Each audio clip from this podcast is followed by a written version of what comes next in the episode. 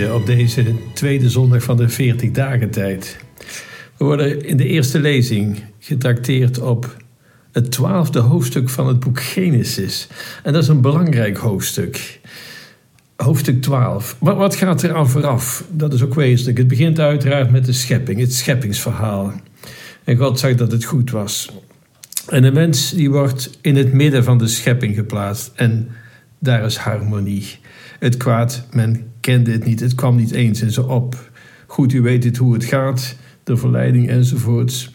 Maar aanvankelijk het Hof van Ede, het aards paradijs, een hemelse situatie. Maar dan, de mens weigert te luisteren naar de stem van God. Ze bepalen zelf wel wat goed en kwaad is, wat ze zouden doen. En we weten het, ze worden verbannen uit de Hof van Ede. En dan niet omdat God kwaad werd, omdat er niet naar hem geluisterd werd. Maar het is een soort geestelijke wet, zoals je ook fysieke wetten hebt, zoals de zwaartekracht. Die geldt altijd voor iedereen, of je dat nou leuk vindt of niet.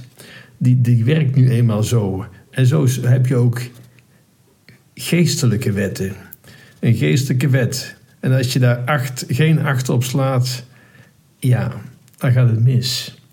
Je kunt wel je eigen gang willen gaan, maar die geestelijke wetten die gelden voor iedereen. Als je geen acht slaat op degene die je geschapen heeft, die weet hoe je je doel kunt bereiken, dan gaat het mis. Dat is maar alles overigens. Schaf een ingewikkelde machine aan. Schenk geen aandacht aan de gebruiksaanwijzing van de maker, van de bedenker. Je denkt, ik bepaal hetzelfde wel. Het resultaat, het gaat verkeerd. Zo ook hier. Ze worden verbannen uit de Hof van Ede, uit het aardsparadijs. En ze durven God ook niet meer onder ogen te komen. Ze schamen zich. Ze zagen dat ze naakt waren. Dat waren ze van tevoren natuurlijk ook. Maar nu, ze schamen zich. En niet omdat ze er zo dierlijk bloot bij lopen, laat ik het zo maar zeggen. Maar omdat ze beseffen, het was niet goed. We hebben een norm overtreden. Goed, ze verlaten de Hof van Ede. Waar komen ze terecht? Daar waar disharmonie is. Kijk naar het vervolg. Kijk naar het gevolg, naar de hoofdstukken 3 tot 12. Dan komen we Kain en Abel tegen, Noach, de ark, de toren van Babel. Oftewel moord, jaloezie, arrogantie, ellende, het dysfunctioneren van de mens. En dat is een gevolg van het niet luisteren naar de schepper, naar de gebruiksaanwijzing, laat ik het maar simpel zeggen, maar naar jezelf. Ik bepaal het zelf wel. Van het aardsparadijs, de Hof van Eden, daar waar alles groeit en bloeit, waar er overvloed van is, komen ze terecht in de woestijn, de levenloosheid. Dat is trouwens prachtig geschilderd door Michelangelo in de Sixtijnse kapel. Als je in Rome bent, ga het eens bekijken. Iedereen heeft altijd aandacht en, en terecht voor die vinger van God en Adam. En daar begint het mee. Maar volg de schilderingen maar, schilderingen maar. En het eindigt bij Noach, die wel luisterde. En als je kijkt naar Noach, dan zie je, hey, die lijkt op Adam. Kijk het eens na, al daar of op internet. Maar het gaat verder. Wat doet God? Laat hij de mensen aan hun lot over? Nee. En dan heel het Oude Testament is keer op keer stuurt God een reddingsoperatie. En dat begint bij Abraham. Dat is het twaalfde hoofdstuk. Dat is die eerste lezing van deze zondag. God spreekt. Hij spreekt weer. En Abraham, hij luistert. Hij luistert naar Gods stem, naar die hoge stem. En er is een belofte van God aan Abraham. En alles hangt af van het antwoord van Abraham. Abraham ging waar God hem vroeg te gaan. Abraham luisterde. En niet naar zijn eigen innerlijke stem, want hij had allerlei reden om niet op weg te gaan en te blijven waar hij was, met zijn welstand en zijn welzijn. En bovendien naar een vreemd land waar je niemand kent, waar het waarschijnlijk vijandelijke mensen zijn. Maar hij gaat. En daar begint de ommekeer. Daar waar Abraham luistert naar Gods stem. En met hem begint de geschiedenis van Israël. En kijk dan naar degene die naar God luisteren. Isaac, Jacob, Jozef, Mozes, Jozua, Samuel, David, Jeremia, Ezekiel, Daniel, Esther, Rut, Maria, Petrus, Johannes, Paulus. Allemaal mensen die luisterden naar Gods stem. Goed, dan het evangelie van deze zondag, 1500 jaar na Abraham. Dan zien we de transfiguratie. Jezus, hij is op de berg. En wat gebeurt er? Hij wordt getransfigureerd in hemelse gedaante. En daar ontmoet hij Mozes en Elia. Mozes en Elia, die hebben eeuwen daarvoor geleefd. Ze zijn daar. Jezus overstijgt tijd en ruimte. Daar waar God is, waar de hemelse gedaante is, daar is geen tijd, geen ruimte. Ik, ik kan me daar niks bij voorstellen, dat doet er ook niet toe. Maar het is goed om te weten. En wie zijn er nog meer? Petrus, Jacobus en Johannes. Even nog naar Mozes en Elia.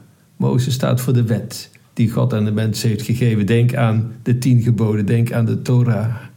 En Elia staat voor de profeten. Elia werd beschouwd als een van de grootste, misschien wel de allergrootste profeet. En Jezus is degene die de wet en profeten vervult. En wie zijn daar Petrus, Jacobus, Johannes? Waarom zijn zij daar? Om te zien dat er een perspectief is. Want wat moet nog komen? Die verschrikkelijke kruisdood die Jezus vrijwillig op zich neemt. Hij sterft als het lam Gods. Waarom? Om de zonde van de wereld weg te nemen. En Petrus en Jacobus Johannes zijn daar, zodat ze het lijden kunnen dragen, verdragen. Want ze weten er is een perspectief. En wat horen ze daar Gods stem? En wat zegt hij? Verwijzend naar Jezus: Dit is mijn zoon, luister naar hem. Luister naar hem. En dat is de kerk, dat zijn u en ik. Wij zijn er en we willen luisteren naar Gods stem.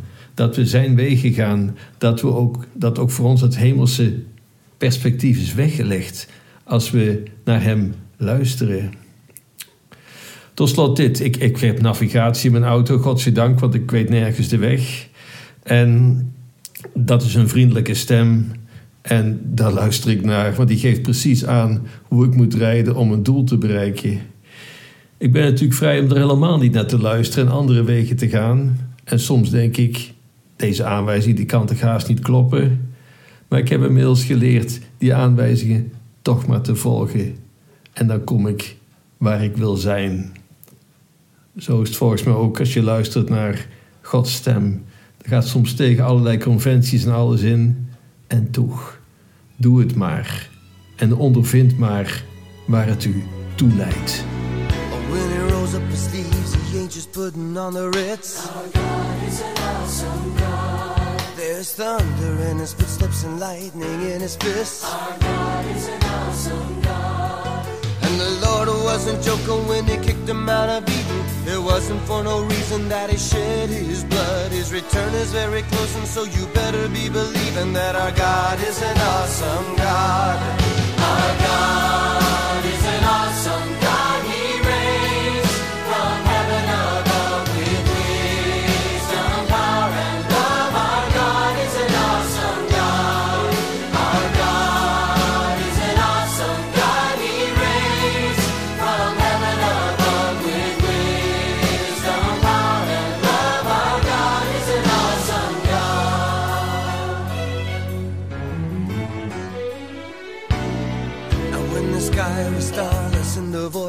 night. Our God is an awesome God.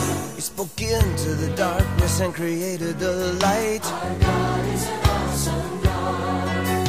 In judgment and wrath he poured out on Sodom.